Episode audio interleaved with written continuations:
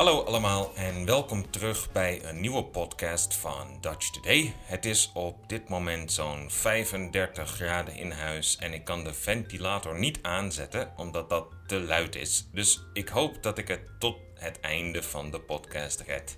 En waar gaat de podcast vandaag over? Zoals je misschien al in de titel zag, ga ik het hebben over sport. Sport je graag? Wat is jouw relatie met sport? Wat is mijn relatie met sport? Ik praat vandaag over wat persoonlijke dingen, wat algemene dingen, wat Nederlandse dingen en ik hoop dat het voor iedereen wel een beetje interessant is. Toen ik jong was, moest ik van mijn ouders sporten, want dat was goed voor me, zeiden ze. Dit was een beetje problematisch, want ik had overgewicht en ik was niet goed in sport. Ook was ik een sociaal ongemakkelijke jongen en vond ik teamsport moeilijk. Ik werd altijd als laatste gekozen voor het voetbalteam. Ik wist niet hoe ik vrienden moest maken en ik was liever alleen. En ik was liever niet aan het sporten. Ik las liever een boek of ik keek liever een film, maar ik moest sporten en ik heb veel verschillende dingen geprobeerd. Ik begon met de sport die mijn vader deed, korfbal. Dit is een typische Nederlandse sport, een typisch Nederlandse sport en wordt buiten Nederland en België niet echt gespeeld. In Japan heb ik twee korfballers ontmoet, twee Japanse korfballers. Er is slechts één club in heel Japan. Of dat was er in ieder geval toen ik daar was. Dus als ze een wedstrijd willen spelen, moeten ze naar Nederland vliegen. Het veld is bij korfbal in twee helften opgedeeld en er staan een paar spelers van elk team op elke helft. Dan zijn er twee korven, een soort baskets. En het is als basketbal, maar je mag niet met de bal lopen en je mag niet naar de andere helft van het veld lopen. Het heeft geen spannend imago, maar het is moeilijk en als je van teamsport houdt ook best leuk. Ik wilde het vooral doen omdat mijn vader het deed. En dat is een vreemd gevoel dat je kunt hebben als je kind bent. Niet weten waarom je iets wil doen, behalve dat je familieleden het doen en jij het automatisch ook wil doen. Dit zal een soort instinct zijn. In ieder geval ging korfbal mij niet slecht af. We werden zelfs kampioen van Noord-Holland. Na een tijdje vond ik korfballen saai worden en ging ik voetballen. In voetbal was ik niet zo goed, maar al mijn vrienden speelden het. Zij waren echter beter dan ik, dus ik kwam niet met ze in een team. Ik speelde op het laagste niveau en de meeste wedstrijden verloren we. En ik weet nog dat mijn vader zei: Als jij uh, een goal scoort, dan krijg je van mij een chocoladereep. En ik moest mijn vader uitleggen dat ik in de verdediging speelde en dat de verdedigers over het algemeen geen goal scoren. Um, dus dat laat zien hoeveel mijn vader van voetbal wist. Maar omdat ik niet goed was, was uh, voetbal ook niet leuk. Uh, en heb ik judo geprobeerd. En tafeltennis en nunchakudo en pencak silat. Ik had eigenlijk, uh, pencak silat is een Indonesische vechtsport. Ik had eigenlijk alleen interesse in vechtsporten, maar ik gaf altijd op voordat ik goed werd. Als jonge jongen begreep ik niet hoe oefenen je beter kon maken. Ik oefende nooit lang genoeg om beter te worden. Mijn ouders zagen hoe ongelukkig ik was en toen ik 15 was, hoefde ik niet meer te sporten. Toen ging ik een jaar naar Amerika. En dit veranderde alles voor mij. In Amerikaanse high schools wordt sport heel serieus genomen. Daar is sport voor veel studenten de motivatie om goede cijfers op school te halen, omdat ze anders niet in het team komen. Het was daar normaal om drie uur per dag te sporten.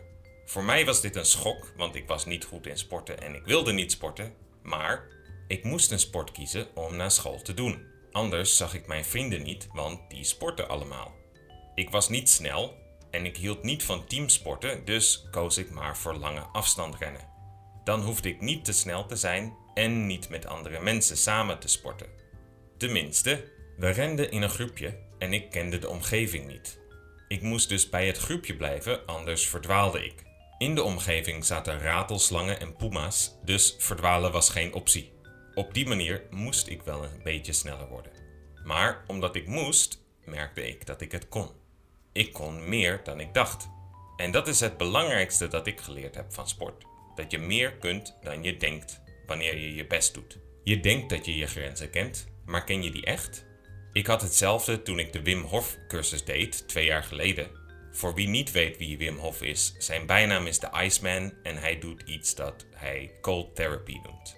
Je doet ademhalingsoefeningen en warming-up bewegingen, waarna je een koude douche neemt of een ijsbad. En natuurlijk bouw je dit op. Je gaat de eerste keer niet in een ijsbad. De eerste keer douche je warm en dan spoel je de laatste 30 seconden koud.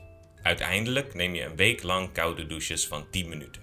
Ik dacht in het begin dat ik dit niet zou kunnen, maar ik heb het gedaan en voelde me beter dan ooit. Een van de dingen die ik leerde was om op mijn handen te staan. Hiervan had ik ook gedacht dat dit onmogelijk voor me was, maar dat was het niet. Het kostte tijd en moeite, maar uiteindelijk kon ik het en dat was een belangrijke les. Maar even terug naar mijn tienerjaren. Toen ik naar Amerika in Nederland terugkwam, was ik 18 jaar oud en woog ik 92 kilo. En dat waren niet allemaal spieren, die 92 kilo. Ik had overgewicht, dus besloot ik af te vallen. Ik ging op dieet en ging elke dag joggen. Ik deed het rustig aan, want belangrijk was dat ik het vol kon houden. Als je op een extreem dieet gaat, is het probleem vaak dat je het niet kunt volhouden. Ik stopte met mayonaise op mijn friet te doen, ik stopte met frisdrank drinken en chocola eten en ik sportte elke dag 30 minuten en in twee jaar raakte ik 20 kilo kwijt. Ik heb wel een fout gemaakt door geen krachttraining te doen en alleen cardio. Zo raakte ik ook al mijn spieren kwijt. Maar uiteindelijk was ik gelukkiger zonder dit extra gewicht. Waarom sporten mensen eigenlijk? Ik wilde afvallen en ik sport nu om op gewicht te blijven, om niet zwaarder te worden, want ik wil wel chocola en koek eten en ijs in dit seizoen maar niet aankomen. Ik vind sport niet echt leuk, maar sommige mensen doen sport omdat ze het echt leuk vinden. Anderen doen het om gezond te blijven. Het is interessant dat we een lange tijd het stereotype hadden en misschien nog steeds een beetje hebben dat mensen die veel sporten niet intelligent zijn we hadden het stereotype van de atleet versus de intellectueel, alsof je niet allebei kunt zijn. En dit terwijl de meeste oude filosofen ook veel sporten. Ze deden aan boksen, zwaardvechten of jagen. Voor hen was het om te laten zien dat de geest sterker was. De geest kon het lichaam vertellen wat te doen. De geest was sterker. Dat komt weer een beetje terug tegenwoordig. Sommige mensen houden van kijken naar sport. Ik niet, maar andere mensen wel. Honkbal, oftewel baseball, is niet populair in Nederland. Maar het interessante, en dit hoorde ik toen ik in Japan woonde, eh, honkbal is daar wel heel populair, is dat mensen mij toen vertelden dat van het Europees kampioenschap, dat ongeveer 30 keer was gehouden toen, Nederland eh, 25 keer had gewonnen. En hoe kan dit als deze sport niet populair is in Nederland? Nederland heeft een paar ex-koloniën in Zuid-Amerika zoals Aruba, Curaçao. En deze landen, hier is honkbal wel heel populair. En omdat eh, Nederland nog steeds officiële banden heeft met deze landen, mochten deze spelers dus voor Nederland spelen. En daarom kwamen bijna alle Nederlandse professionele honkbalspelers eigenlijk niet uit Nederland, maar won Nederland elke keer het kampioenschap. In Nederland zijn voetbal en tennis populair, maar nu we Max Verstappen in de Formule 1 hebben, kijken veel Nederlanders daar ook naar. En de Tour de France is in de zomer populair, daar keek mijn opa altijd naar. En in de winter schaatsen. Vooral tijdens de Olympische Spelen. Dan wint Nederland altijd veel medailles in schaatsen. Waarom? Ze denken dat dit komt omdat schaatsen altijd heel populair is geweest in Nederland. De concurrentie zorgt ervoor dat schaatsers heel hard moeten werken om aan de top te komen. En de topschaatsers krijgen sponsors die ze betalen, waardoor ze het hele jaar op hun sport kunnen focussen. Ook is er veel innovatie op het gebied van techniek en materiaal. In de winterspelen van 1998 won Nederland bijna in alle categorieën omdat ze een nieuw type schaats hadden uitgevonden die net iets sneller was dan oudere schaatsen. Er zijn trouwens veel sporten die ooit Olympische sporten waren, maar dat nu niet meer zijn. Korfbal was er één van, maar ook touwtrekken, motorbootvaren, brandblussen, duivenrezen, vliegeren, architectuur, ballonvaren, kanonschieten en duelleren met pistolen. Van veel van deze sporten is het wel logisch dat ze niet meer beoefend worden, nog een paar feitjes. Gouden, zilveren en bronzen medailles zijn geïntroduceerd in 1904. Vrouwen konden pas meedoen vanaf het jaar 1900. En de Olympische fakkel, met de vlam die van atle atleten Athene naar het land gedragen wordt, waar de Olympische Spelen plaatsvinden, was geen traditie tot 1936. Adolf Hitler en de nazi's hebben dit bedacht als marketing voor hun ideeën. De eerste keer dat een Olympische atleet, atleet, gedisqualificeerd werd voor drugsgebruik was in 1968. Een Zweedse atleet die de pentathlon zou doen, had alcohol gedronken. Hij had een paar biertjes gedronken en kon dus niet paardrijden, schermen, zwemmen, schieten en rennen. Ik weet niet of dit een probleem was bij de klassieke Olympische Spelen. Daar deden atleten naakt mee. Tussen de 8e eeuw voor Christus tot de 4e eeuw na Christus, dus uh, wat is dat, 1200 jaar lang, vonden de Spelen elk jaar plaats, maar in de 4e eeuw na Christus werden alle niet-christelijke festivals verboden en dus ook de Olympische Spelen. De eerste moderne Olympische Spelen vonden plaats in 1896. De jongste atleet die toen meedeed was een Griekse gymnast van 10 jaar oud.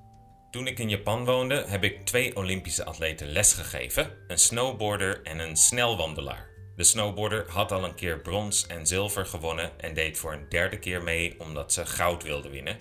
Ze was al 12 jaar een Olympische atlete. Zoveel passie moet je respecteren. Snelwandelen is een interessante sport, want je kunt je afvragen wie kiest die sport. Het is anders dan rennen, want je moet altijd een voet aan de grond houden. En het ziet er grappig uit, maar het is al een Olympische sport sinds 1904. Sinds 1880 was het al een officiële sport in Engeland, populair onder de werkende klasse. Er werd toen veel gewet op wie de snelste was. En de afstanden op de Olympische Spelen zijn 20 en 50 kilometer.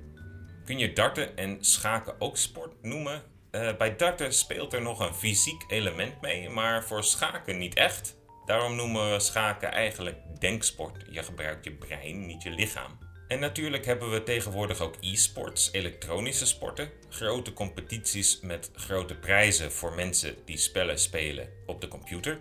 En waarom heet dit ook sport? Je gebruikt je brein en je lichaam, je concentratie en je probeert een goede strategie te bedenken. Eigenlijk kunnen we sport dus definiëren als een competitief evenement met duidelijke regels waarbij een speler of een team probeert te winnen van een andere speler of een ander team door gebruik van strategie en vaardigheden voor het plezier van zichzelf en anderen. En wie was de grootste Nederlandse atleet ooit? Dat was Johan Cruijff, de voetballer. Het Ajax-stadium in Amsterdam is naar hem vernoemd. Hij heeft vooral in de jaren 70 veel voor Nederland gedaan als voetballer. Drie keer heeft hij de Ballon d'Or gewonnen, een prestigieuze voetbalprijs. En in 1999 is hij door de Internationale Voetbalfederatie verkozen tot Europese speler van de 20e eeuw. Hij was een vernieuwer en maakte een nieuwe strategie groot, totaal voetbal. Dat betekent dat de spelers niet echt een vaste positie hebben, maar flexibel over het veld bewegen. Cruijff was de dirigent en dirigeerde de verschillende spelers naar verschillende posities. Andere teams gebruikten een meer rigide strategie en hadden moeite om Cruijff bij te houden. En Cruijff vond stijl erg belangrijk. Hij zei: winnen is leuk, maar mensen onthouden je door je stijl van spelen en niet alleen van het winnen. Hij is gestopt met spelen nadat mensen zijn familie in 1978 in Barcelona hebben geprobeerd te kidnappen. Hij vond zijn familie belangrijker dan voetbal. Hij is nog wel lang een succesvol trainer geweest en hij is bekend in Nederland van zijn vreemde Nederlands. Hij was een Nederlander, maar hij maakte vaak fouten met gezegdes en uitspraken. En dit heeft zelfs een eigen naam, Cruyffiaans. Het zijn dingen die niet logisch zijn, maar wel logisch klinken en een beetje mysterieus zijn. Vaak zijn het paradoxen en interviewers konden Cruyff soms maar moeilijk volgen. Een paar voorbeelden zijn: simpel voetballen is het moeilijkst. Als je een speler ziet sprinten, is hij te laat vertrokken. Zonder de bal kun je niet winnen. Elk nadeel heeft zijn voordeel. Ik hou van werken zolang het werken is waar ik van hou. Je moet schieten, anders kan je niet scoren. En je moet Nederlands leren, anders kun je het niet spreken. Dat is er één van mij. Uh, dit was het voor deze week. Ik hoop dat iedereen het hoofd koel houdt in dit warme weer. Succes met je studie en tot de volgende keer. Doei!